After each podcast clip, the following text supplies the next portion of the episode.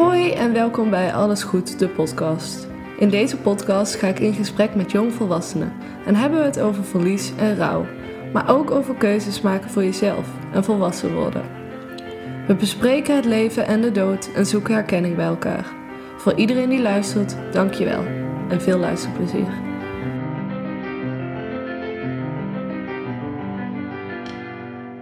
Dus hoe kennen we elkaar? We kennen elkaar van balletles. Ja, heel lang geleden. Ik weet niet meer hoe lang geleden hoor. Ik was ook aan het nadenken of dit meer zo in de 8, 7 jaren was of meer richting 11, 10, 11. Oh, dat weet ik echt Maar ik heb dus ook geen idee. Voor de middelbare. dat Voor de middelbare kennen we elkaar al. Want wij deden ballet, of deden we ook jazzballet. Nee, jij Alleen ballet. ballet. Ja, ik deed alleen ballet. Maar daar heb ik laatst die foto's wel van gestuurd. Dus daar waren we wel heel jong. Ja, Dus ik denk, ik denk dat we zo 8, 9 waren en dat we toen misschien elkaar twee jaar niet hebben gezien. Of tenminste wel op de dansschool zo af en toe, maar volgens mij niet meer in dezelfde groep. Heb ik- jawel, jawel, jawel. We hebben Tot het laatst? Ja. Hmm. Maar jij bent eerder gestopt wel. Ja, want ik ging jazzballet doen. Ja. Ja. En toen gingen we naar de middelbare school. Mhm. En toen kregen we die lijsten voor onze neus. Van Ja. die zit erbij in de klas. En toen zagen we elkaar. En toen Ja. waren we zo van, yes. Ja, weet ik nog. Toen heb ik op Hives een berichtje gestuurd. Nee, ja, ik had geen huis. Dus ik denk Oh, echt? gewoon mail of zo. Oh, dat zou kunnen, ja, ja. Ik weet niet of dat of, oh nee, zelfs misschien gewoon bellen. Want eh, ik, had, ik mocht geen social media. Oh, echt? Ja, dat zou ook kunnen hoor. Eh, maar inderdaad wel zo van, we waren van tevoren wel zo van, excited. Ja. We komen bij elkaar in de klas. Ehm, en toen hebben we tot Gewoon tot het einde. derde. Ja, ja, maar- Oh, op VWO. ja, want we gingen nog, jij ging eigenlijk eerst mee naar VWO. Ja, ik heb En tot toen het uiteindelijk- eind van de vierde op VWO gezeten. Ja, daar komen we nog op. Ja. Ehm, en toen hebben we, maar we zijn wel in hetzelfde jaar afgestudeerd, Mhm. want bij ons op school is HAVO Mhm. ook zes jaar. En toen zaten we ook gewoon in dezelfde eindexamenklas. Ja, bij Jeft allebei. Bij Jeft al. Ja. Nu zeggen we weer toch weer naam, nou, maar niet uit. ja, dus dat is hoe we elkaar kennen. Ja. Oké.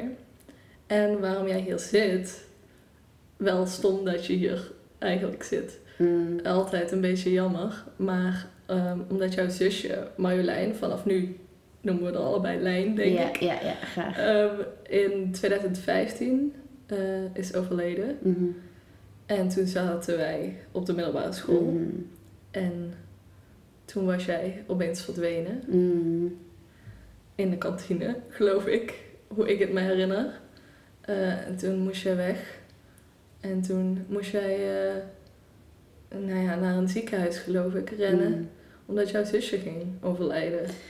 Nou, En dat was heel heftig. Tenminste, ja, het, wat ik me nog kan herinneren is dat ik eh Jeft had, of onze mentor, sorry, onze mentor had mij gevraagd of ik eh, in de klas wilde vertellen waar ik de komende week zou zijn. En toen heb ik verteld dat ik ehm, met Lijn dus naar het ziekenhuis zou gaan in Ja. Leuven. ja. En dat dat waarschijnlijk drie dagen zou duren. ja. Ehm, en toen ben ik. Voor, ja, het is een beetje wazig hoor, die eerste Mhm. dagen. Maar toen ben ik volgens mij inderdaad in, ergens midden op de dag naar huis gegaan. Ja, Ehm, omdat wij dan naar Leuven zouden gaan. ja. Eh, ja. Want Lijn had iets, een soort geboren afwijking, Ja, toch aan haar ze- hart. Ja. Lijn was geboren met eh Epstein-anomalie. En dat, eh, van hoe mijn ouders het mij vroeger hebben uitgelegd, is het dus ehm, een gaatje in je, in je hart. Mhm. En toen ze, ik denk een jaar of twee, drie was, hebben ze daar ehm, nogmaals in kindertermen een parapluutje in gedaan. Ja. Waardoor eh, de bloedsomloop weer goed ging. Mhm. Ehm, en ja, ik kan je verder geen Nee, goede termen uitleggen. Nou ja. Ehm, en toen zijn jullie in Leuven en toen is ze daar overleden, toch? Ja, ze kreeg ehm, eh, in november 2014 kreeg ze een katheterisatie als voorbereiding op de open hartoperatie. Mhm. Dat was allemaal prima gegaan en ze waren, de dokters waren ook heel, ehm, hoe zeg je dat, Ja, positief erover. Ja. En toen waren we dus in maart in 2015 waren we in Leuven en het was dus de bedoeling dat ze, het was een, dat ze iets gingen Fixen. fixen in, Ja. haar, in haar hart. Ja. Want een van de twee helften van haar hart die deed het niet goed en die helft wilde ze fixen. Ja. En toen ehm, zijn, ze dat dus, zijn ze dat gaan doen. En eh, de operatie duurde allemaal wat langer dan gepland. Dus wij kregen al een beetje Ja. stress. En toen op een gegeven moment was het klaar. En zeiden ze, ja, we wilden dus misschien ook een ader omleggen. Ja. Maar dat was een hele heftige ingreep. En ze was tijdens de operatie al ehm, een beetje... Haar lichaam was al een beetje verzwakt. Dus dat Mhm. wilden ze niet doen. Want het zag er ook goed uit. Ze dachten, ja, dit gaat wel prima. Ja. En van wat ik er nogmaals, van wat ik er begrepen heb, is het dat de avond na de operatie ehm, mochten wij bij haar kijken en alles ging prima. Ja. En ik denk dat het de avond daarna was dat we opeens met spoed de IC op werden geroepen. Mhm. En dat ze zeiden van haar hart is de gezonde hoeveelheid bloed niet gewend. Dus ze kan er niet tegen, dus we moeten alsnog die ader omleggen. Oh ja. Ja, dat is een extra operatie Ja. opeens. Ja, maar haar lichaam was natuurlijk zo verzwakt Ja. dat dat helemaal geen goed plan was. En toen ehm, was het echt ontzettende chaos, want papa die was terug naar IJsden gereden om mijn Sims laptop te halen. en nieuwe kleren en, en dat soort dingen. En toen hebben wij hem gebeld en toen is hij dus naar België weer gereisd. En het was gewoon echt Chaos. chaos. Mhm. Ehm, en toen is die operatie is toen fout gegaan. Oh. En toen hebben ze haar ge- gereanimeerd en toen is ze hersendood gegaan. Hm. Ja. Omdat er geen bloed meer. Ja, ik moet je eerlijk zeggen dat ik niet weet hoe Ja. dat werkt. Ja, Maar, ja volgens mij. eh, Ja, iets met zuurstof Iets iets met met, bloed. ja. En, ehm, maar wij wisten uiteraard niet dat zij al hersendood was. Daar hebben we nog een week op moeten wachten in het ziekenhuis. Omdat ze, de Wat- doktoren wisten het ook natuurlijk nog niet. wat afschuwelijk. Ja, Dat is wel echt heel heftig. Ja, het is natuurlijk de bedoeling dat je ehm, zo iemand in slaap houdt. Ja. Omdat het te veel pijn doet om meteen wakker te Ja, worden. Maar omdat ze dus kunstmatig in slaap werd gehouden, hadden wij geen idee dat er iets mis was. En die hele week lang werden we dus heen en weer geslingerd. Van, Mhm. oh, het gaat wat beter vandaag. Oh, het gaat minder goed vandaag. En dat ging de hele tijd zo door. ehm, van, ik denk, dinsdagavond tot zondag. Echt belachelijk eigenlijk. Ja. Ja. Dat jullie echt zo'n week. Ja. Oh, heel naar. Ja. En toen overleed ze. En toen was jij nog steeds een 15-jarige Ja. op de middelbare school Ja. die daarmee moest dealen. Ja, ik denk dat ik in het begin had ik het helemaal niet door, omdat...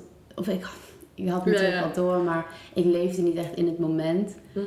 Omdat ehm, die week was zo traumatiserend geweest ja, dat ik... snap ik. Nou, ik heb daar dingen meegemaakt die ik nog steeds niet goed Mhm. kan verwoorden. En ehm, het was zo niet het leven wat ik gewend was, dat ik helemaal niet... Ik- De, de verkeerde film. Ik, ja, ik kon helemaal niet begrijpen wat er allemaal gebeurde, denk ik. Ja, en je bent natuurlijk ook gewoon jong. Ja, en het hoort bedoel, niet. het hoort niet, het klopt niet. En iedereen doet heel gek. En je ziet je ouders pijn hebben, wat Ja. ook een whole other level van eh, wat je niet hoort te zien Mm. als kind, denk ik. Mm, En Lijn zelf was 12, 11. Ze ging net naar de middelbare school. toch? Lijn zat op de middelbare school. Ze was eh 12, ze is 29 maart overleden. En 31 maart zou ze 13 zijn geworden. Mm. Dus eh, twee dagen voor de verjaardag. Oh my god. Ja, Ja. En ze zat in de brugklas of zo. Ja. Ja. ja, Ja. Porta. ja. Ja. En toen moesten jullie opeens een begrafenis, of tenminste een crematie geloof Ja. toch? Regelen? Ja, het, ehm, ik, wij zijn dus die zondagavond zijn we naar huis gegaan. En we waren denk ik, ehm, er waren opeens heel veel mensen in het ziekenhuis, dat weet ik nog. Bijvoorbeeld mijn twee beste vriendinnen waren daar Mhm. en Lijns beste vriendinnetjes waren daar. En familie. En het ziekenhuis zat opeens helemaal vol. Ja. En ehm, ik weet nog dat we toen met verschillende auto's zijn we naar huis gegaan. Ja. En ons huis zat toen ook vol. Dus ik kwam naar binnen en het was volgens mij half elf s'avonds en ik was uitgeput. We waren allemaal moe. Maar ons huis zat al vol met mensen. Ja. En ehm, ik weet nog dat mama toen zei op een gegeven moment rond 12 uur denk ik... Ja, we moeten morgen om 10 uur klaar zitten, want dan komt een begrafenisondernemer. En Ja. toen dacht ik, "Goh, jeetje. Ja. Ehm, en het voelde allemaal zo niet echt. Dat ik Mm. helemaal... Ik, ja, Ja, ik had het ook. Ik dacht, hè, Ja. wat zijn we nou eigenlijk aan het doen? wat is dit eigenlijk? Wat, ja. wat is de bedoeling? Ja, ik vond het ook heel, heel erg zo dat het zo langs je heen allemaal gaat. Ja, en we hebben een redelijk aantal ehm, oude mensen gehad in onze familie die zijn doodgegaan. Ja. Dus ik ben vaker bij een Ja, begrafenisondernemer precies. geweest. Ik ook wel. En dat is dat dat klopt, weet Dat je wel. klopt. Ik- Opa's en oma's, Ja. dat mag. En dat Ja. is oké. Dat Dat, is- alsnog verdrietig. Maar het is ja, wel een soort van de kunt het bedoeling. heel goed plaatsen, Ja, precies. Ja, ja. Ja. Nee, maar toen zaten we inderdaad dus... ehm, die maandagochtend eh, kwam de meneer van Walpot en IJs, die kwam Ja. langs. Kregen we eens een, een, een boekje voor ons neus geduwd met kisten. En toen Oh. dacht ik, wat is dit nou? En ik heb me daar heel erg buiten gehouden. Mm. Ik zat daar gewoon een beetje te staren. Ik heb niet zoveel gezegd. ja. En op een gegeven moment had ik begrepen dat ze een kist hadden uitgekozen. Ik vond hem ook nog eens niet mooi. maar kijk, dat, dat zijn dan dingen waar ik mee bezig was. ja, dat is tuurlijk. natuurlijk heel gek. Ja. Maar ik dacht gewoon, nou, daar gaan we lijn toch niet in leggen. Maar zij vonden het een mooie kist, dus ik dacht prima. En ehm, ik weet alleen nog dat ik me vooral bezig heb gehouden met ehm, het helpen met het, het maken van de rouwkaartjes. Mhm. Ik heb de vlindertjes getekend. Ja. En ehm, dat, is, dat was, vond ik wel voldoende. Ja, dat was Dat jouw bijdrage. ja. Ja. Dat weet ik nog, maar voor de rest heb ik het allemaal niet meer. Ik wist dat ik iets mocht zeggen op de crematie, Mhm. maar verder heb ik uiteraard op mijn vijftiende niet een crematie zitten regelen. Nee, nee, Nee. dat snap ik wel. Nee. Ja, in mijn herinnering, ik weet dus, ik heb dus een hele sterke herinnering dat ik een soort, dat we geen zwart aan mochten. Oh, dat, Dat ook, ja. Volgens mij stond dat op de rouwkaart. Oh, het over jullie, ons. ja, ja, Oh, bij oh, jullie. Ja, ja, ja, ja, Ja. ja, ja. Dus, dus dat had ik, ik had een soort, volgens mij een soort blauw blouseje aan.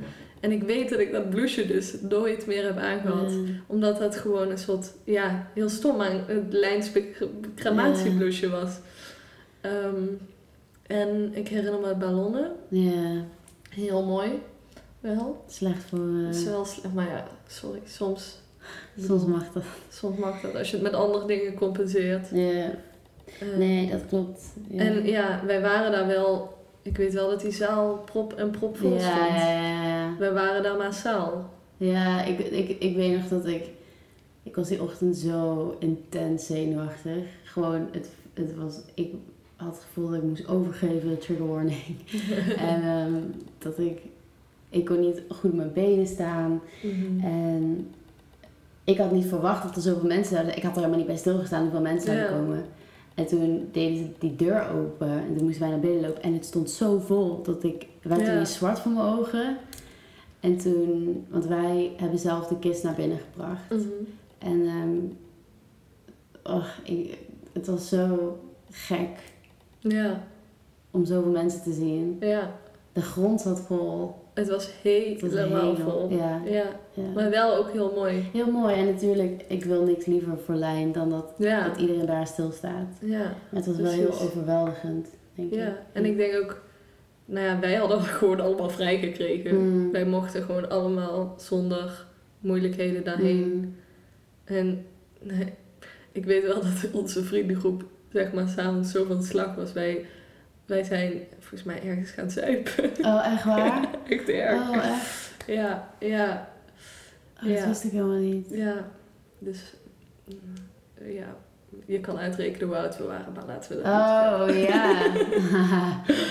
Nee, maar ja, ik vond het wel een hele mooie ja. eh crematie. Nee, ik ook. En daar zijn we ook nog steeds heel blij en het mee. deed haar wel eer aan, denk ik. Ja, het was echt... Het was precies zoals het voor haar had moeten zijn. Ja, Ja. Ja.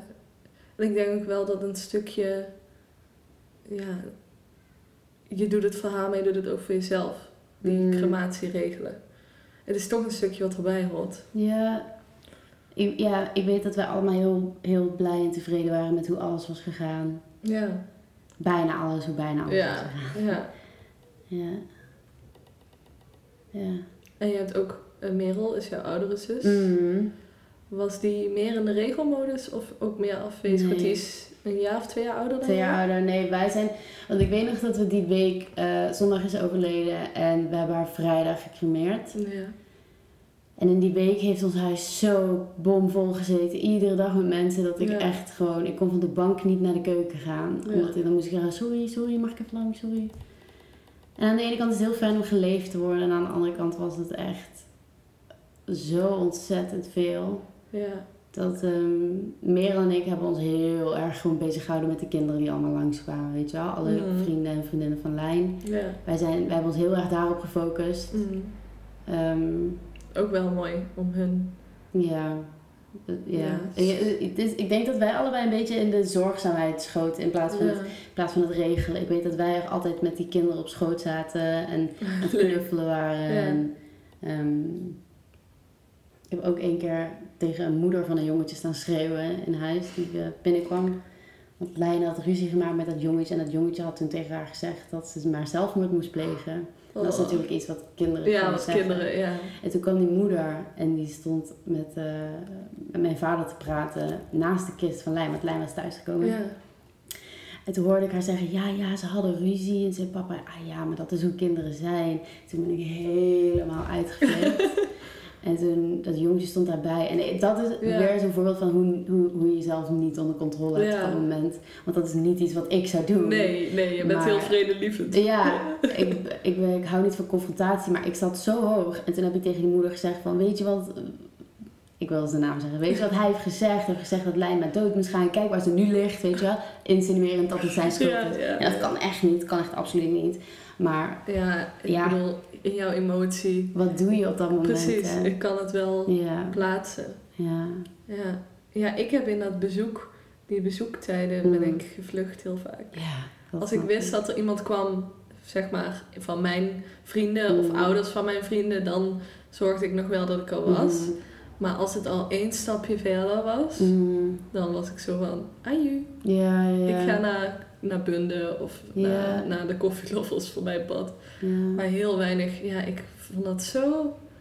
Het is heel intens. Het is heel heftig. heel- ja, en op een of andere manier verwachten mensen ook bepaalde emotie van jou. En ik kon Ja. dat niet per se geven op dat moment. Nee, dat, ja. En nee, ik weet nog dat ik met iemand bij de kist stond. Want we hadden een open kist. Mm. En dat diegene gewoon heel hard stond te huilen. En dat ik daar zo'n beetje naast stond Mm. van... Ja, Ja, precies. wat moet ik... Ja, Ja. snap je? Ja, heel goed. Ja. dus ja, op een gegeven moment dacht ik, dit is gewoon niet fijn. Ik ga Mm. me hier gewoon een beetje uittrekken. en mijn tante was er om mama te helpen met koffie zetten en dat soort dingen. Dus Nee, Ja. dat begrijp ik heel goed. Ik weet nog dat ik heel vaak heb gedacht van, oh, ik zou zo graag weggaan. ja, Maar ik was 15. ja je kan nergens... Waar En ga je heen? Waar ga ja. heen? Precies. Ja. Ja, want ook al ga je naar een oom of tante... Of, Die zijn bij ons. Precies, Ja. En, en mijn vrienden waren ook. En Ja. Lijn's vrienden waren ook. Ik kon echt gewoon... Ik kon echt helemaal nergens heen. Nee. Nee. Ik kon naar boven gaan. Maar ja, toen kwamen ze allemaal achter me aan. Ja. Ja. En je bent best wel snel weer op school gekomen. Mhm. Ik Echt? ben... ehm, Volgens mij de week daarna. mhm. De maandag na de crematie ik Ja. Ja, en ik denk ook wel dat het hielp, tenminste vanuit ons, als ik even voor onze klas mag spreken, dat, dat wij daar allemaal waren geweest. Mm. Dat maakt het minder, ik doe nu ehm air quotes, eng. Mhm. Ehm, maar ik vond dat wel heel dapper. Ik vond het echt vreselijk. Ja, dat kan ik me ouders wel bij dat ik, voorstellen. eh, mijn ouders wilden dat ik snel weer naar school zou gaan omdat ze bang waren dat, dat, dat ik er anders uit zou vallen. Ja, En dat begrijp ik ook, maar we zijn het er nu wel allemaal over eens dat dat iets te snel is geweest. ja, het was echt heel snel. Eh, en we zijn toen begonnen met, eh Merel en ik zijn toen begonnen met twee uur per week. Dus we kwamen Ja. alleen naar de periodelessen. Ja, Ehm, maar ik weet nog, onze allereerste periode ging over hart- en vaatziekten van ehm, Oh. Joyce, of docent biologie. Ehm, en nou ja, dan zit je daar niet op te wachten. Ik zat echt absoluut nergens op te wachten. Nee. Al was het periode geschiedenis geweest. Ja, Nee, ik, ik kon me niet concentreren op school. Ik zat daar echt voor me uit te staren. Ik zat echt in een compleet andere wereld. ja. En, en het was extreem ongemakkelijk. Ik heb me daar zo eenzaam gevoeld op school. ja ik had ook opgeschreven, ehm, middelbare school, sticker op je voorhoofd. Ja, Van, voelde jij van... Ja. Iedere Nou ja, wel wat even die sticker ook mag zeggen, zeg maar. Maar Mm. je voelde je wel bekeken, Ja. denk ik tenminste. Ja. Ja. ja, iedereen wist het. Ja. Iedereen wist het. En, en dat begrijp ik, want voor veel mensen is het ook een sensatieverhaal. Ja, Dat, dat het- eigenlijk. dat snap ik ook. En het is, ik, je verwacht ook niet van ehm, kinderen van die leeftijd dat ze Dat weten hoe ze daarmee ja, om moeten gaan. Ja. Eh, maar ik weet wel nog dat ik behoefte had aan, aan terug naar het normale. Ja. Ik had liever dat mensen niet, niet zozeer hadden gedaan tot er niks aan de hand was. Ja. Maar ik weet nog dat ik die maandagochtend op school kwam. En er was één persoon met wie ik altijd ehm, tegelijkertijd op school aankwam. Mhm. Rond eh, vijf over acht al. En dan gingen we altijd bij de kapstokken zitten en even kletsen iedere Mhm. ochtend. En ik weet nog dat zij die ochtend niet eens hoi tegen me heeft gezegd. En ehm, als 15-jarige kan je dat niet plaatsen. Kijk, nu Ja. begrijp ik dat en kan Dat het ja, ongemak was. ja, Ja. maar ik weet, ook, ik weet nog dat heel veel mensen die dag niet eens tegen me hebben gepraat en me, en me ontweken. En toen dacht ik, ah, snap je? Ja. Ja. Ja. Ja. Ja, dat is, dat is denk ik ook wat zo heftig is dat je dit op de middelbare school moet Mhm. meemaken. Omdat je gewoon nog een totale extra laag van jonge kinderen, zelf jong zijn, niemand begrijpt het eigenlijk. Niemand heeft er ook heel veel ervaring mee. Dus het is gewoon totaal lastig. Ja. Nee, dat, dat klopt hoor.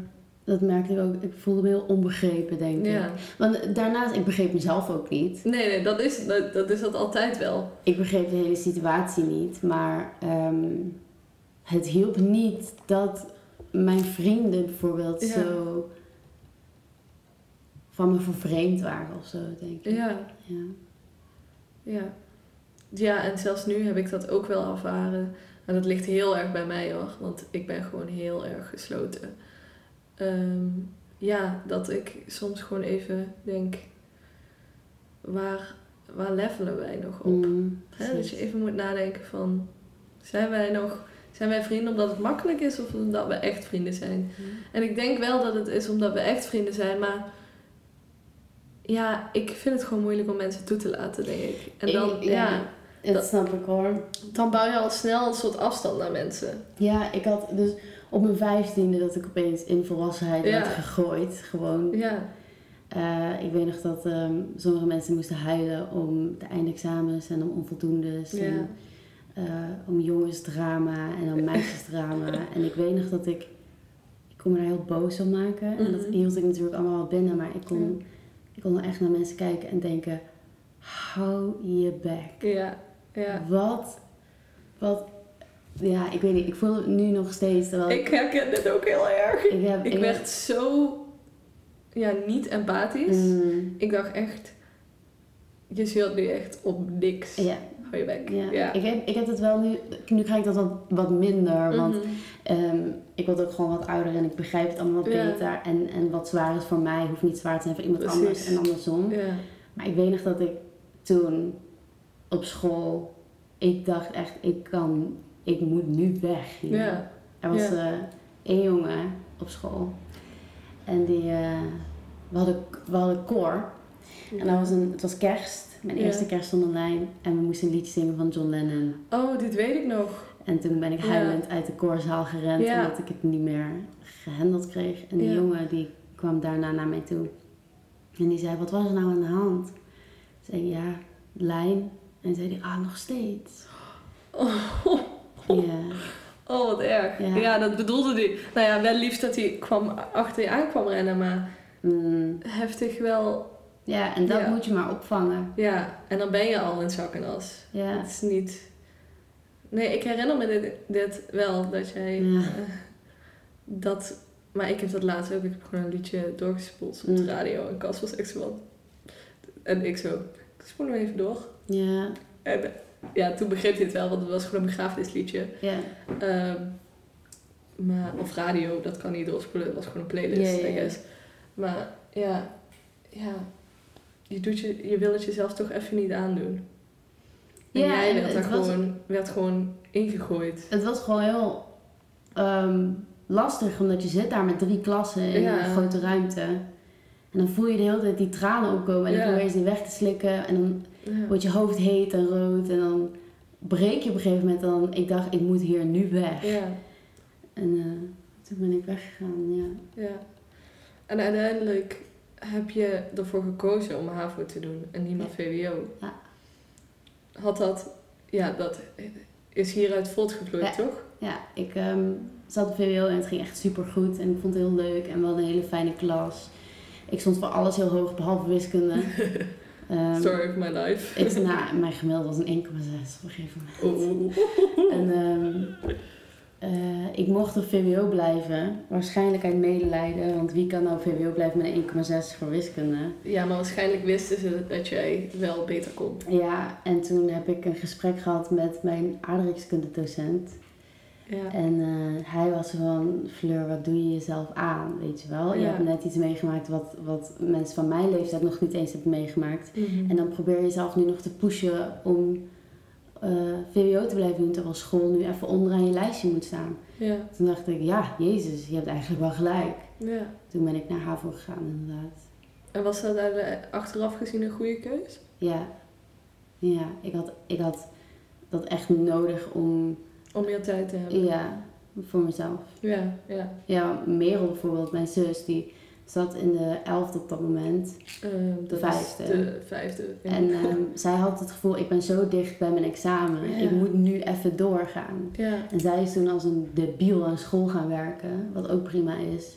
ja, Maar ik was op dat moment niet in staat om, om dat te doen. ja. Ja, Ja, haar proces was waarschijnlijk gewoon een beetje vluchten in het schoolwerk. ja, ja En ja, dat kon ik niet. Dat kon ik niet. nee. Maar dat is ook niet erg. En ik denk ook dat het helemaal niet heeft uitgemaakt dat je HAVO hebt gedaan. Nee, nee, nee, tuurlijk niet. Ik bedoel, iedereen kan HAVO doen en Ja. uiteindelijk komen waar ze willen komen. Dat is prima. Ik had alleen wel op dat ehm, moment moest ik heel erg dealen met het gevoel van... Ik heb gefaald om een reden die buiten mij Ja, ligt. En dat vond ik heel moeilijk. ja, Ik vond het heel moeilijk om te accepteren dat, dat ik nu moest kiezen om links te gaan in plaats van rechts, wat ik zo graag wilde. Ja. Omdat er iets buiten mijn controle lag. Ik heb precies, ja, nou ja, ik moest nu, ehm, ik was gewoon in Amsterdam aan het studeren en toen eh, ja, stierf papa tijdens de kerst. Mm. En toen eh, heb ik dus het hele half jaar tot de zomervakantie de helft van mijn vakken maar gedaan. Ja, ja. Dus had ik ook, omdat ik ook niet meer in Amsterdam wilde wonen. En ja, dat was ik, moest ik ook heel erg mezelf toespreken van... Het is niet erg dat je vertraging oploopt. Het is nu beter om het zo te doen. Mm. En uiteindelijk kon ik daardoor ook naar Canada en kon ik een half jaar vrij nemen Mm. en dus op reis gaan. Maar op dat moment, precies wat je zegt, je moet jezelf vertellen, want je hebt niet gefaald, want het is rationeel gezien ook niet zo. Mm. Maar je hebt een soort idee in je hoofd en dan wijk je daar opeens van af. En dan is dat heel moeilijk om dat gewoon zomaar te accepteren. Ja, het was vooral voor mij heel lastig, omdat mijn ouders zijn allebei dokter. Ja, Lijn die deed TTO. ja, Merel die ging door met VWO, terwijl Ja. zij in hetzelfde schuitje zat als ik. En ik kon het niet. ja, En dat, dat vond ik heel zwaar. Ja. ja. En ik moest natuurlijk naar een nieuwe klas. Ja, je moest naar een nieuwe klas. Ja. Ja. Ik ben wel blij dat ze uiteindelijk iedereen weer bij elkaar hebben gegooid. Of ja, semi, die twee Ja. mentorklassen, maar dat, Ja, ja, ja. En voor de mentorklas. Ja. ja zeker. dat was wel echt fijn, vond ik in ieder geval. Ja, ik ook. Dat we echt als klas zijn afgestudeerd. Ja. Ja. En toen had je je diploma. En in mijn hoofd ben je toen vrij snel... Ja, je had een tussenjaar. Hmm. Maar ben je ook naar Bristol gegaan, toch? Of naar Nee, Engeland? Oxford. Oh, Oxford, oké. Nee, joh, dat was eh, aan het eind van dat tussenjaar. Ja, maar was dat een soort... Waar, hoe kwam je daarop? Merel, die had in haar meivakantie, in haar tussenjaar, had zij ehm, twee weken een taalreis gedaan Mhm. naar Cambridge. En toen kwam ze thuis en zei ze, oh, dit waren echt de leukste weken van mijn leven. En toen dacht ik, nou, dat moet ik ook even zien. en ehm, toen ben ik naar Oxford gegaan. Ja, ik zou eigenlijk drie weken gaan. Ja, maar je bleef veel langer, toch? Nou, ik bleef maar één week langer. Ik ben daarna nog een keer teruggegaan. Oh, dat is het. Ja, ik wou zeggen, volgens mij is in mijn hoofd daar maanden geweest. Ja, ja. Nee, ik ben daar eerst gewoon één maandje geweest. En toen... eh, het klinkt echt zo stom, maar ik heb mezelf daar wel echt heel erg leren kennen, denk ik. Ja. Ja. En je kwam thuis met drie extra tattoos. toch? Ja, drie, toch? Drie? Of twee? Ik, weet weet het niet meer. Ik zit nu onder. dus dat kan ja. me niet meer helemaal goed herinneren. Want dat, daar wilde ik het ook eh, over hebben. Want je hebt vrij snel na Lijns overlijden Mhm. ehm, haar naam in het Sanskriet Yep, yep, yep. eh, op je arm laten tatoeëren. Ja. Heel mooi. Dankjewel. Ehm, was dat meteen iets wat je voelde dat je moest doen? Ja. Of hoe Ja, liep dat? het was... ehm, ik was 15 dus. Ja, precies. En eh, ik liep dit rond met het gevoel van... Ik moet iets, ik moet iets. Want ik... Ik heb heel, heel lang met een extreem schuldgevoel rondgelopen naar lijn. Ja. Om uh, zussenruzies die heel normaal zijn. In ieder geval, ik had het gevoel dat ik iets moest doen. Mhm. En ehm, toen leek me iets permanent gewoon het beste idee. Ja. En toen heb ik met heel veel zeuren en mijn ouders overhalen op mijn eh, twee dagen voor mijn 16e verjaardag. Nou, hè. Hè, dan mag Bijna wel. legaal. Ehm, ja, mijn tatoeage laten zetten. Ja. En tot nu toe gewoon helemaal blij mee. Oh, ja, je ja. zit- je- er zit nu, dat zien, de luisteraars zien dat niet, maar ik zie een hele arm Ja, helemaal mooi eromheen. ja. Een sleeve die daar omheen komt. Nee, ik ben er heel blij mee. Ik- het, is, het is een beetje.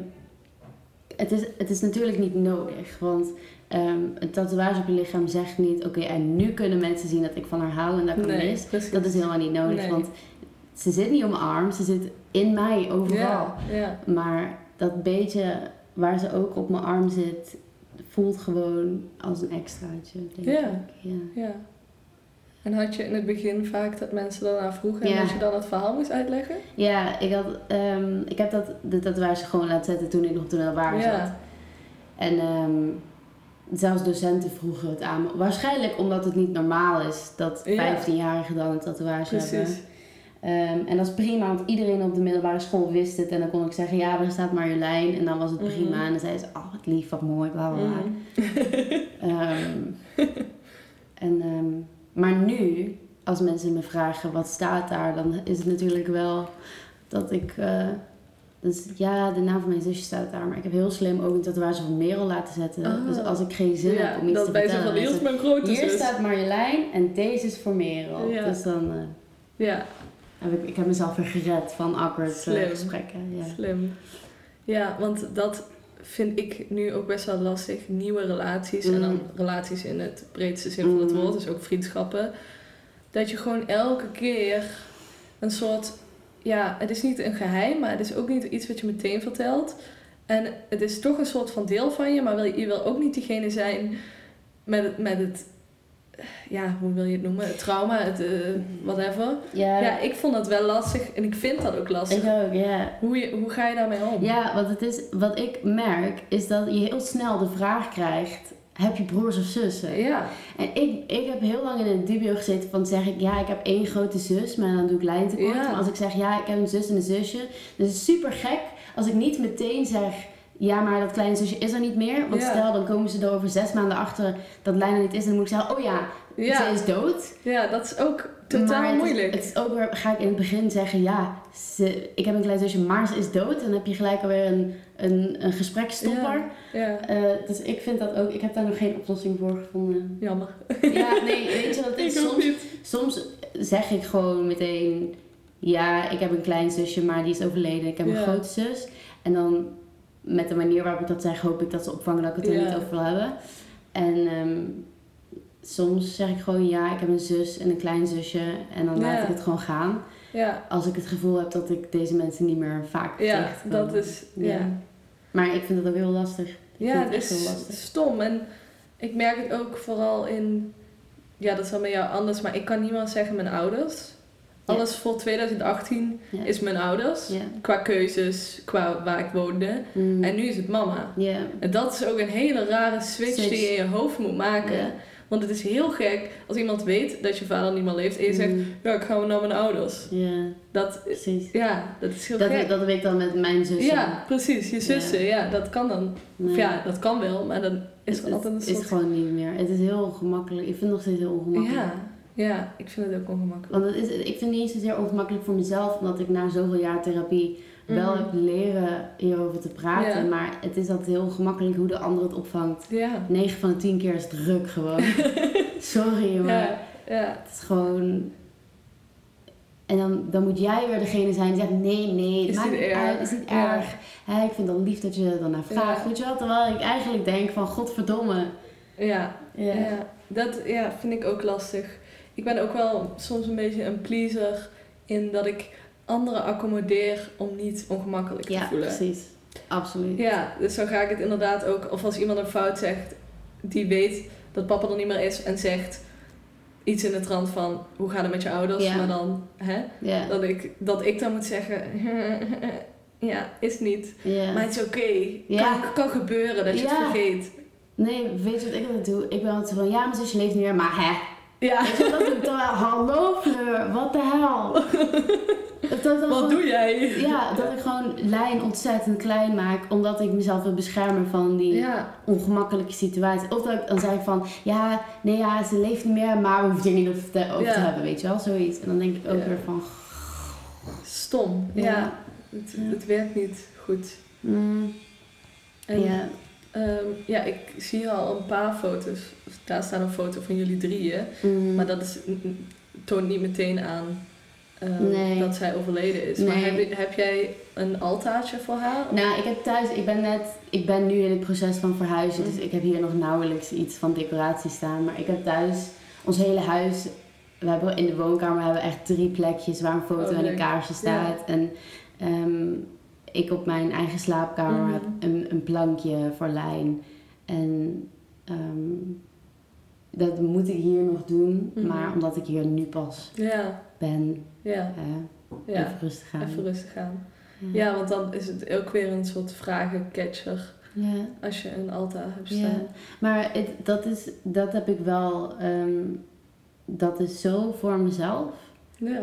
dat, ik, dat dan is het weer wat anders. Dan, ik, heb, ik zit heel erg in de, in de vermijdingsstand heel vaak. Mhm. Dat ik het niet over lijn wil hebben. Of als mensen naar vragen, dat ik, dat ik denk van, ik lul er wel weer lekker overheen.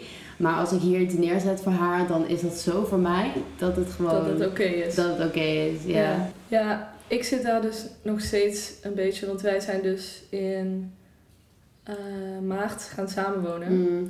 En dus een nieuw huis. En in, hier in Maastricht hebben we wel gewoon, er staan foto's en er is gewoon de rouwkaart met een kaarsje en zo.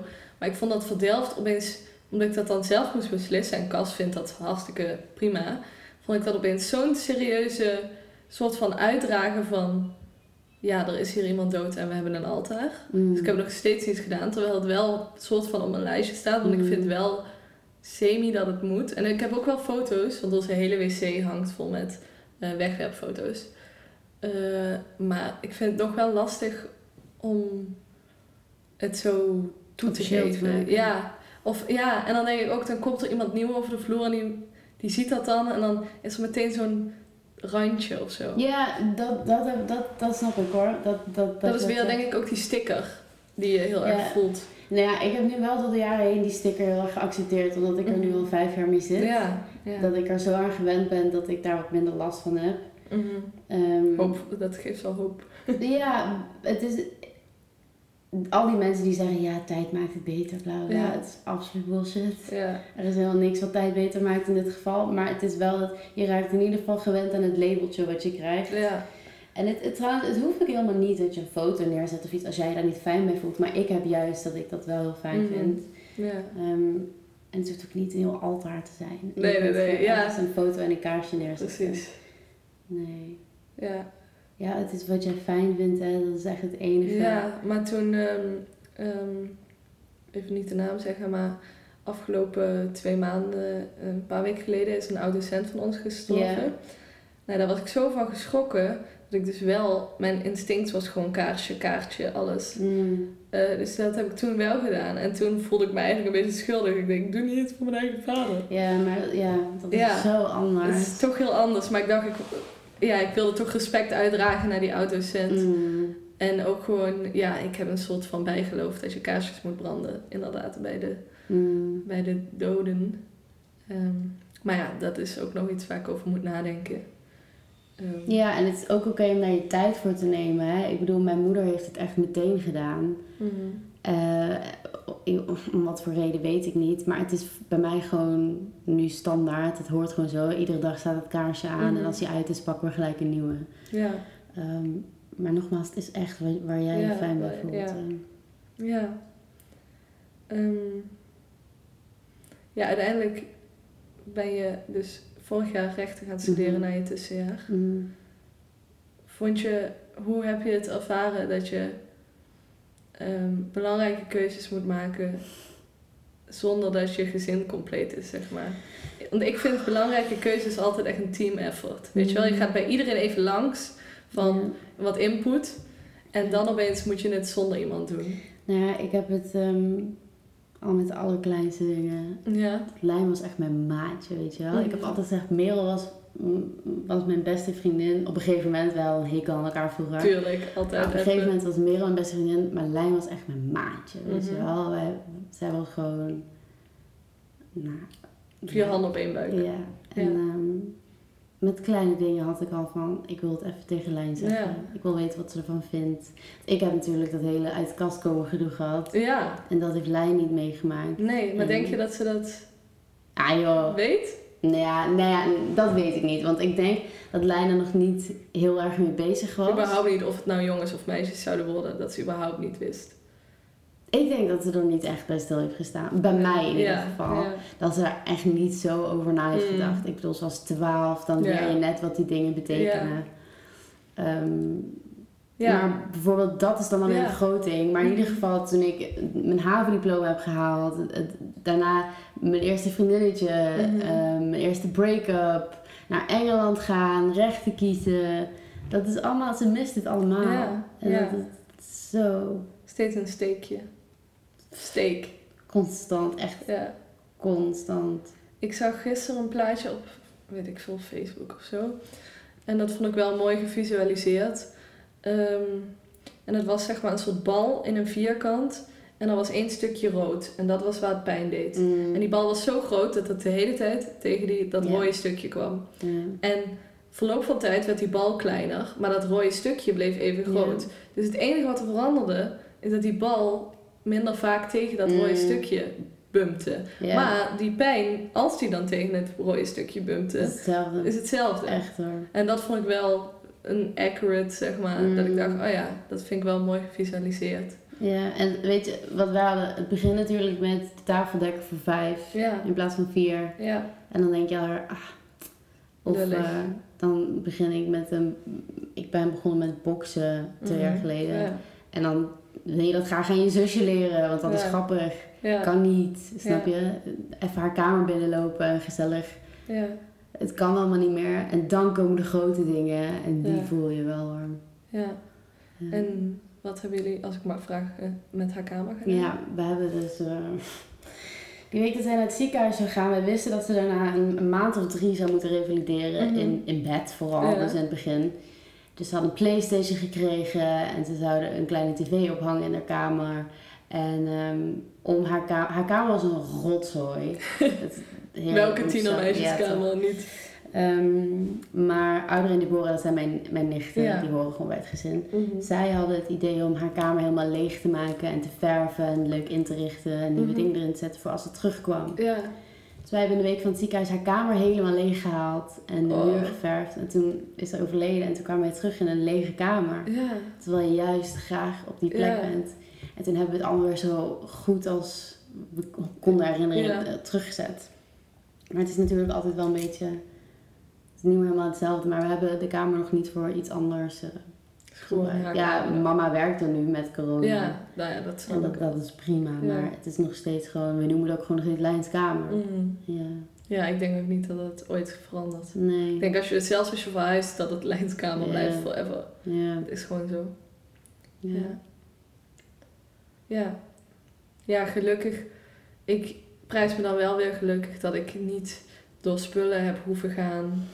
ehm, en door dat ik geen huis heb hoeven opruimen. Mm. Ik had met eh, Sarah twee gesprekken eerder. Zij heeft het huis van haar vader samen met haar eh, eh, broer en zus, of broers en zus, geloof ik, moeten opruimen. Mm. Of tenminste, dat was ook weer een, een soort catch. Maar het lijkt me zo, dat lijkt me nog veel... Ik heb nu pas dat ik deze zomer, dus dat is nou, meer dan anderhalf jaar geleden... is wat dingen aantrek zelf. Mm. Een hemd of... En ik zei vanochtend, ik was vanochtend bij de psycholoog... was heel trots op mezelf, want ik was een boek aan het lezen... wat hij, een van zijn laatste boeken die hij heeft gelezen... wat ik bewust weet dat hij die heeft gelezen, want dat wist ik gewoon... eh, heb ik deze vakantie pas durven oppakken... terwijl ik dat boek al lang wilde lezen. Mm. En dat soort dingen, dat ik denk... Mm. oh, dat duurt zo lang totdat je steeds zo'n stapje zet. Mm. Dat vind ik echt wonderbaarlijk. Ja. Maar ook dat het op een gegeven moment dus wel kan. Ja. Ja. Dat er dus wel iets verandert. Niet per se. Ja, het is gewoon anders. Ik denk dat je tolerantie een beetje verandert. Je raakt er een beetje aan gewend. Ja. Dat je leeft met zo'n grote pijn. En op een gegeven moment... Ik denk dat de pijn heel erg hetzelfde blijft. Maar dat je er steeds een beetje beter in wordt om ermee om te gaan. Ja, en dan misschien ook induik. Ja, ik heb dus heel, wat ik ook vertel in de podcast vaak, dat ik dus eigenlijk anderhalf jaar niks heb gedaan. Eh, maar ik ben wel uiteindelijk naar de psycholoog gegaan omdat ik gewoon voelde van ik zit op slot, ik heb geen emoties, het schiet niet op. Eh, ik ben niet aan het rouwen, want ik vermijd alles. Mm. En toen dacht ik, ja, dat is niet gezond, weet Ja. je wel. Dat moet je niet doen. Ehm, en toen heeft zij mij wel geholpen met eh, ja, exposure. Dus veel foto's kijken en dat soort dingen. Om mezelf te dwingen om het Jeetje. onder ogen te zien. Ja. Maar dat was wel een lang proces. Mm. Dit is nu ja, een jaar therapie bijna. Nou, ik heb ehm na lijn. Ik ben de week na lijn. Ik ben aan Prison Break begonnen. Zodra ik uit school kwam, heb ik echt tot tien uur s'avonds aan Inzet Mhm. op Prison Break gekeken. En eh, dat was mijn vermijdingstijd. Ja. En eh, ik denk dat ik, ik ben toen in augustus van 2015 begonnen aan een nieuwe psychotherapie. Mhm. En ehm, ik, daar zit ik nog steeds.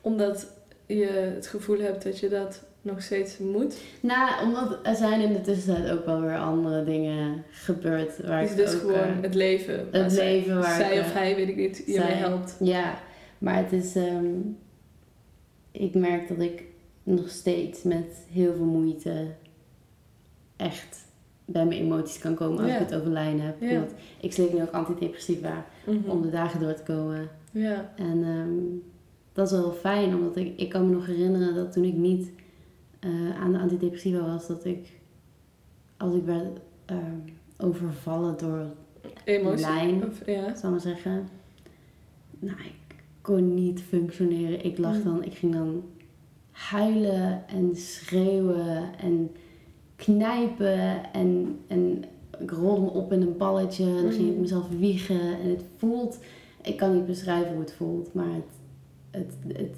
ik, het was een beetje alsof je jezelf dan voelt leeglopen of zo. Mhm. En dan ben je aan het proberen om jezelf bij elkaar te houden, maar het voelt gewoon alsof je heel langzaam alles kwijtraakt wat je kent en, en de gevoelens Mhm. die je gewend bent. En ja. Dus je had daar gewoon even hulp bij nodig. ja, ik kon niet meer. Ja. Ik kon gewoon niet meer. Ik weet nog dat ik echt gewoon. Ik denk dat ik iedere dag op school moest huilen. Ik kon me niet functioneren. Ja. Ik kon niet functioneren in de lessen. Alles deed me aan lijn denken. Ik, het was niet mogelijk op die manier. Denk. Dat is, ja. Goed dat je aan de bel hebt getrokken. En dat je iets hebt gevonden wat daarbij helpt. Ja. Want het heeft voor niemand zin dat jij je Nee, zo, zo, absoluut. zo Ja. voelt. Zo. Ja. Ja. En je hebt sinds kort een nieuwe girlfriend, toch? Mhm. Of tenminste, sinds kort, dat weet ik niet. Ik Ja, zie het op. Instagram. Nee, sinds kort, ja. ja. Eh, Hoe doe je dat in nieuwe liefdesrelaties? Want dat is nog veel dichterbij soms dan vriendschap. Ja. Nou, Laat je haar toe. Mijn eerste vriendin Ja. was het echt vreselijk. Het was echt, een- het was gewoon, zij ving het niet goed op. En Ja. iedere keer als ik eh, zo'n paniekaanval kreeg Mhm. met huilen en dan wist ze gewoon, ja, ze deed er niet zoveel mee. En ik had altijd het gevoel dat Lijn niet heel welkom was. Mhm. En daar had ik heel veel moeite mee. Mhm. Ehm, maar nu is het met... Mag ik haar naam wel zeggen? Als, als zij dat niet erg vindt, jij kan het gewoon tegen haar zeggen. Ik heb je naam gezegd. Nou, Rosa. Ja. Ehm, ik weet niet, Rosa vangt het gewoon heel goed op. En, Mhm. en wat zij bijvoorbeeld doet, is dat ze zegt van... Ik begrijp het niet, ik kan me niet, kan me niet goed voorstellen... maar ik luister naar je en ik hoor je. En Ja. Ben hier en Mhm. ik mag het over Lijn hebben. En dan voelt het een beetje alsof ik Lijn nu nog aan haar kan voorstellen. Ja. ja, want dat vind ik, dat is echt mijn grootste angst. Denk ik. Mm. Ehm, dat het uitgaat met Cas en dat ik een nieuwe relatie zou moeten. En dat dan die nieuwe relatie niet weet, dat is totale paniek. Ja. En ik denk, rationeel gezien denk ik, daar kom je ook wel over, overheen. Mm. En je kan verhalen vertellen en foto's laten zien. Maar ja, dat lijkt me doodeng. Niet dat ik het, Cas, ik ben heel gelukkig met je. Ik wil het niet uitmaken. Maar ja, daar denk je toch over na. Nee, absoluut. Dus Ja. dat, dat heb jij ook gehad. Dat, dat zij niet Lijn echt heeft kunnen leren kennen. Nee. Maar alleen door jullie verhalen. Ja, en, en ik heb gewoon al een paar keer tegen Rosa gezegd van op zo'n moment dat ik Lijn heel erg aanwezig voel. Van, Mhm. oh, ik had zo graag Lijn aan je willen voorstellen. Omdat Ja. ik echt oprecht denk dat Lijn Rosa heel leuk had Ja. gevonden. Eh, en andersom ook. Ja, Ehm, en dat is wel heel pijnlijk ja. dat dat niet kan. Omdat Lijn is nog steeds mijn maatje. Ja, en, en Rosa Dat is niet gestopt. Nee, absoluut niet. En Rosa is nu heel belangrijk ook Ja. in mijn leven. En ze leert nu mijn familie kennen. Mhm. Ehm, en dan mist er één. Ja, dat is echt wel heel zuur. Ja. En dat is nog zacht uitgedrukt, denk ik. En je zei net, ik voel dat bij me. Is dat, bedoel je daar echt ook spiritueel Nee. mee? Of je bedoelt meer gewoon, ze, doordat ze in mij zit, Ja. voel ik erbij? ja, nee, dat hele spirituele heb ik een beetje laten gaan. ik ben daar heel erg naar op zoek geweest. Ja? Maar, ehm, Maar niet gevonden wat je nee. zocht. Nee. Misschien dan zeggen mensen, ja, je hebt de gave wel, maar je staat er niet voor open. En dan denk je, ja, godverdomme, wat doe ik dan fout, weet je wel. Ja. Maar ben je eh, wel eens bij eh, Mhm. eh, zo iemand die met doden praat? Mhm. Ja, en toen was ik heel erg onder de indruk. Ja. En realiseerde ik me ook wel een beetje van, dit had op heel veel mensen van toepassing kunnen zijn. Ja. En ehm, het was dan zo dat hij hints gaf en dan ik vulde het steeds in. ja, dat moet je altijd mee oppassen, inderdaad. Maar nogmaals, ik was 15 toen ik dat deed. Oh, oké, ja. Ehm, maar in ieder geval, in, in niet heel spiritueel hoor, maar ze, ze zit in mij. Ze is gewoon een deel van mij. Is dat ook hoe je, dat, hoe je de dood, zeg maar, duidt? Hoe jij het zou beschrijven? Want ik, ik struggle soms ook wel heel erg met de vraag van waar, waar is het goed voor?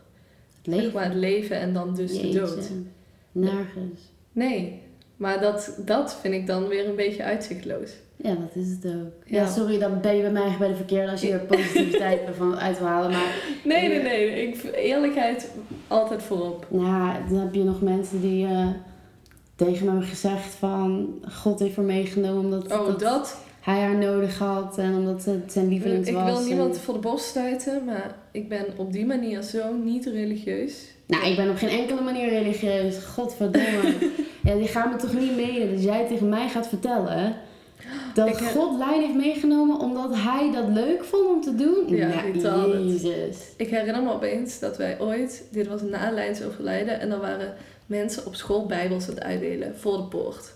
En ik, werd, ik ben gewoon boos. Ik zei, de fuck ga je een bijbel uitdelen? Volgens mij heb ik echt iets gezegd van, oké, dus jij zegt dat God alle bedoelingen heeft. Waarom, echt iets in de trant, zelfs Lijn gewoon aangehaald van waarom gaat er dan iemand die zo jong is, die het Mhm. leven nog voor zich heeft, waarom gaat hij dan dood? Ja, had ik geen antwoord op. Ik ben Ja, nee, weet je, Maar wat is, als ik, als ik daarover nadenk, het allereerste wat ik me afvraag is dan, wat the fuck? ja, precies, what the fuck. Waarom geef je haar leven en eigenlijk alleen maar om het op haar twaalfde weer af te nemen? Ja. Hoe, Wat, als, wat als heeft dat voor God zin? zo'n- Als God zo'n goede gast is, wat iedereen zegt dat hij is, waar haalt hij dan het lef vandaan? Ja. Snap je? Niet cool, gewoon.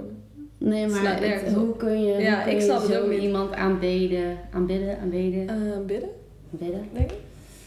Ja, nee, ik ben ook niet. Nou ja, wat ik zeg op die manier, omdat ik wel ergens geloof in energie. Ja, dat dat om je een heen kan hangen.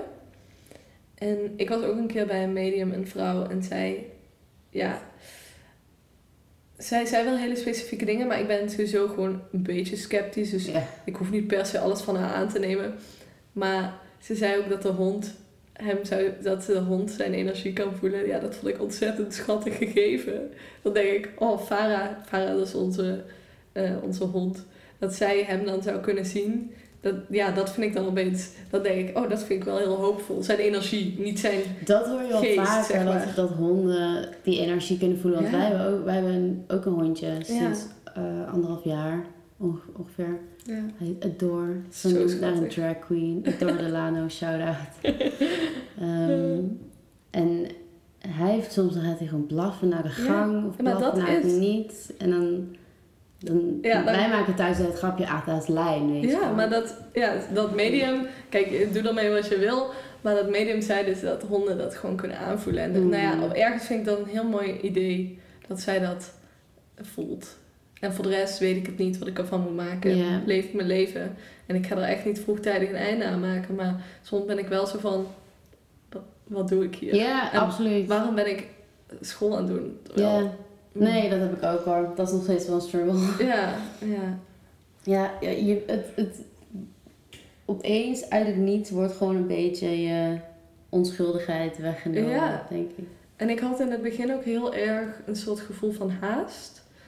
En dat ik echt opeens had van, ik moet nu afstuderen, ik moet nu kinderen krijgen, ik moet nu Hmm. gaan samenwonen, ik moet nu, ook in die volgorde, beter niet. Maar ik had opeens zo'n haastig gevoel Mhm. dat ik dacht, het leven moet nu, zeg maar, alles moet tegelijk beginnen. En ik heb wel, langzamerhand leer ik wel van, ja, het is en niet realistisch en niet een prettig idee om altijd een gehaast gevoel te hebben. Maar ja, ik heb dat wel gewoon een beetje opeens in me gekregen dat ik denk van, oh, het leven is zo kort. Ik kan maar beter vroeg alles doen, Mhm. want anders maak ik het niet meer mee. Ja, zo. nou, ik heb dat nu heel erg, want mijn vader heeft afgelopen jaar twee hartaanvallen gehad. Oh. En ehm, dat komt natuurlijk allemaal veel te dichtbij. En Ja. dan denk je, het zal me toch niet nog een keer gebeuren. Precies. Maar ik heb dat, dat gevoel nu van help, help. Ja, Het moet ik allemaal sneller. Ja. Ja. ja.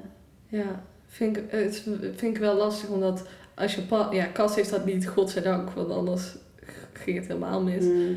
Eh, maar ja, die, die snap ik niet helemaal wat, wat ik daarmee bedoel, zeg maar. ja. Ik denk dat dat ook moeilijk te begrijpen is, want als ik op mijn twintigste tegen jou zeg, eh, ja, eigenlijk heb ik het gevoel dat we nu kinderen moeten krijgen en rationeel weet ik dat dat een heel dom idee is en dat gaan we ook echt niet doen. Maar diep van binnen heb ik een soort van die haast, zeg maar. Nee, dat snap ik hoor. Maar ja, Dat, Dat ja, het is gewoon lastig. Ja. Nee, ik snap het echt helemaal. Ja. Ik weet ook niet, ik ben geen expert. Ik weet nee, dat- niet wat ja. ik... Ik heb dat ook soms wel, dat Ja. ik denk... Ik moet het allemaal nu ge- Ja, gedaan het hebben. moet nu gebeuren. Zodat iedereen het heeft gezien en meegemaakt Ja. en bij me is geweest. Dat is onhaalbaar. Ja. Dat is, is En ook niet ja. een goed plan. Nee, het is eigenlijk geen goed plan. Ja. Nee, ja. Het is gewoon zo moeilijk om je leven opnieuw in te kleuren. Ja, Omdat alles wat je gewend bent, dat telt niet meer. ja. En opeens, ja, Je moet zoveel opnieuw leren gewoon. ja, En dat, terwijl je het normale leven nog moet volhouden. ja. Ja, Ja, ja. ingewikkeld. Dat Ingewikkeld. is eigenlijk de conclusie. Ehm, ik had nog opgeschreven van hoe heb je, want daar heb ik het ook al met de anderen over gehad, hoe doe je het met social media en met dingen posten over lijn Hmm. en ja, ook gewoon, ja, hoe ga je, volg je accounts over rouw bijvoorbeeld, dat vraag ik me ook wel af. Ik eh, heb ik, sowieso dat ik op 29 of 31 maart, dan post ik meestal een foto Mhm. van Lijn en een, Ja, een tekstje erbij. Gewoon voor mezelf, ja. voor Lijn. Mhm. Ehm, ik heb dat in het begin veel meer gedaan, omdat het toen veel meer. ehm, ik weet niet, het, het voelde voor mij toen veel meer nog als een verplichting om dat te moeten doen. Mhm. omdat ik ook heel erg het gevoel had dat, dat mensen mij bekeken op mijn rouwproces. Dat Ja. ik moest laten zien van ja, ik weet het nog hoor. Mhm. Ehm, daar heb ik nu minder last van, omdat, nou, logisch hè. Ja. Het rouwproces van mij. Ehm, maar ik, ik volg zelf geen dingen over rouw, omdat ik het nog heel confronterend vind om het gewoon per ongeluk tegen te komen Ja. als ik aan het scrollen ben. Mhm. Ehm, ik schrik ook nog heel vaak als ik posts zie van andere mensen over de dood of zo. Oh, oh. Ja, of bijzonder dat het zo... Dus de dood algemeen raakt jou sowieso dan. Ja, Ja. ja, ik heb zelfs dat heel... Ik weet ook helemaal niet of ik dit hardop moet zeggen. Oh, je maand is wat opgenomen. Je hebt natuurlijk van die mensen die foto's posten van hun opa's en oma's die zijn overleden. Ja, vind ik heel naar. Ja, ik ook. Ik word altijd een niet beetje... lijken op. Sorry als ik het woord lijken. Ja, ik, ik gebruik het woord lijken gewoon omdat ik dat niet per se zelf een onprettig woord vind. Maar ik snap als mensen dat een vervelend woord vinden. Maar ik vind dat dat niet op Instagram thuis hoort. Nou, dat niet eens hoor. Dat, als ik dat had gezegd, had ik het minder erg gevonden. Maar mijn punt is dat ik daar soms heel boos om kan worden. Mhm. Omdat ik dan denk van, ga janken in je eentje. Het is een opa of oma, die zijn oud genoeg, die kunnen Ja. doodgaan, snap je? Ja. En dat is, dat is zo fout voor me. En dat, dat, ja, dat- maar ik begrijp het wel. het is ook echt, het is dan een, een split second, weet je Ja, wel. En dan is het weg en dan vang ik mezelf en dan denk ik, Fleur, dit kan echt absoluut niet gewoon. Ehm, iedereen is entitled om zijn eigen verdriet te hebben ja. en daarmee om te gaan hoe ze willen. Maar dat ik dan, ik word dan ook niet boos op hun. Ehm, ik word dan boos op het feit dat het bij mij even andersom is Ja, gegaan. dat het oneerlijk was. Ehm, Ja, dat, misschien mag je dit knippen, daar moet ik nog even over nadenken. is goed. We horen het wel terug en dan. Dat is het paint mij in een heel slecht licht. Nou ja, ik, ja, je moet altijd eerlijk zijn, vind ik wel. En ik denk wel dat gewoon men- donker en vies gewoon. Ja, en ik denk wel dat mensen het herkennen. En ik ben ook naar een ehm, rouwgroep geweest afgelopen jaar voor jongeren. Oh. Ja, dat was voor mij echt wow. Want ik zou nooit uit mezelf... Dat het was gewoon een samenloop van omstandigheden. En een van de meisjes van de rouwgroep heb ik ook geïnterviewd voor deze serie. Ehm, maar dat was ja, ook zo omdat we zo... We hadden echt afgesproken, alles wat hier gezegd wordt blijft binnen de groep. Eh, je kan dus, het was zo eerlijk. En daar Mm. kwamen zo'n eerlijke en herkenbare... en ook gewoon dingen waar je over nadenkt uit... dat het gewoon zo goed was. Mm, Ehm, ja, echt, echt heel bijzonder. ja. Ja. Maar dit is in Maastricht, dus als ik je het Ja. nummer moet geven, let me know. Ja. Als je er kla- klaar voor bent een keer. Ja, Want het is wel... heftig hoor. Ik vond de eerste bijvoorbeeld heel heftig, omdat je opeens al die verhalen van al die mensen op je krijgt. En nou ja, ik, ik begon bij verhaal 1 al te huilen, omdat ik het zo erg voor haar vond. Eh, dat waren op dat moment volgens mij allemaal vrouwen. Ehm, ja, ik, ik schrok gewoon heel erg van hoeveel impact de dood bij zoveel mensen heeft. Mm, Ja, dat zie je pas als je zo naar zo'n groep gaat. En mm, ik ging ook een lijstje maken voor de podcast van mensen die ik ken, die dus te jong, ik noem dat toch te jong, iemand zijn verloren. En dat waren er zoveel, dat ik daar zelfs van schrok. mm. Ja, ik persoonlijk ken er heel weinig. Wat ik ook wel lastig vind, want ik heb echt nauwelijks mensen met wie ik echt, Mhm. echt kan relaten, snap je? Ja, Maar ik, ik snap dat ze er zijn. Ja. Ik snap Ja. dat we niet de enige zijn. Ja. Mm. Ja, volgens mij hebben we alles wel gehad. Want je zei al van, ik vind het moeilijk om dingen te zien over de dood. Dus ik neem aan dan dat je niet actief boeken erover leest. Of... Nee, ik heb het wel gedaan hoor. Op de middelbare gelijk. Mhm. Toen we die boekenlijst moesten vullen. Ja. Toen... Ging je expres jezelf eigenlijk een beetje kwellen? Ja, nee, ik was, omdat ik op dat moment, toen ik nog 15, 16, 17 was, toen, Mhm. ik begreep het nog zo niet. Ja, Dat ik heel, ik was heel erg op zoek naar iets. herkenning en erkenning. Ja. En ik kon het nergens in mijn omgeving vinden. Alleen bij mijn gezin, maar dat is te heftig. Ja, dat... Dat ik dan maar, ik dacht, ja, ik moet maar boeken gaan lezen. Mhm. Dus toen heb ik een aantal boeken over de dood gelezen. Bijvoorbeeld Schaduwkind heb ik gelezen. En ehm gebr... Ken je die? Is dat afkorting van gebroken? Nee, Of- gebroeders of zo, Oh, volgens mij. nee, Ik weet niet. Ik heb een aantal van dat soort boeken Ja. gelezen waarin iemand doodging. En ik merkte iedere keer dat ik er niks bij voelde. Mm. Gewoon, ik kon er niet... Ik, Dus het deed eigenlijk niet zijn werk. wat het soort van zo, wat jij erin zocht, Wat vond je er niet. dat- omdat het zo... Ik denk dat ik zo op slot zat. Dat was Mm. voordat ik in therapie ging. En ik, ik zat toen zo... mm, niet in mijn hart en in mijn hoofd. Ja. Dat het gewoon niks met me deed. Ja, En toen dacht ik, ah jee, ik ben gebroken, ik ben kapot, ik kan Ja. niks voelen. Maar het is er daarna wel eh, uitgekomen hoor. Maar eh, ik heb dat dus wel gedaan, maar nu niet meer. Nu eh, heb ik weer een intolerantie op Ja. moment. Ja, ik heb het ook dus niet gedaan, totdat ik, ik heb in de coronatijd één boekje gelezen. En toen dacht ik, dit kan ik wel aan, want dat was, je bent jong en je rouwt wat. En zij vertelde gewoon het verhaal van haar moeder die kanker had gekregen en was gestorven. En hoe zij in het rouwproces zat. Mm. En dat was zo anders dan mijn eigen verhaal. Dat ik dat, dat het en genoeg afstand had, maar ook wel interessant was. Ja, Dus ja, dat, dat is letterlijk het enige boek wat ik erover heb gelezen. ik heb, wel, ik heb wel één kinderboek gelezen erover. Het is echt gewoon een kinderboekje, hè? Ja. Echt zo'n bla- zo'n boekje wat je leest Ja. voor het slapen gaan. En ehm, dat had onze rouwtherapeut geschreven. Ja. Dus die eh, heb ik gelezen. En die voelde ik wel, die kwam wel heel hard binnen. Welk boekje was Ik dat? ben het vergeten. Wolfie heet die volgens mij. Maar ik weet het niet meer. Ik weet het niet zeker. Ik zal het straks even sturen. Ja, dan kan ik het eh, Ehm, erbij zetten, dat mensen dat kunnen opzoeken. Ja. Dus dat, dat, omdat het zo lieflijk en klein en onschuldig is geschreven Mhm. voor kinderen die het echt niet begrijpen. Ja, En op dat moment was ik een, een kind Ja, die het echt niet zeker. begreep. ja. Dat, het, ehm, dat ik het opeens toen wel heel erg voelde. Ja, ja. Oké, mooi. Ja, ja, dan eh, stuur me die naam maar. ja dat doe Ik ben wel benieuwd. Ja. Ik weet dat ik nu heel erg hoofdpijn heb en heel moe. Heb je dat ook? Dat heb ik altijd hoor. ja, ja, als je erover moet praten. Als ik de lijn praat, ik heb altijd Ja. hoofdpijn en ik word Ja. heel sloom. Ik heb ook altijd, ik word ook altijd misselijk. Dat is Oh. mijn lichamelijke reactie Ja. op alles. Ja. Want ik had dat ook, van, vanochtend had ik dan even, was ik even bij de psychologe. En ik was aan het vertellen dat ik in de zee was geweest.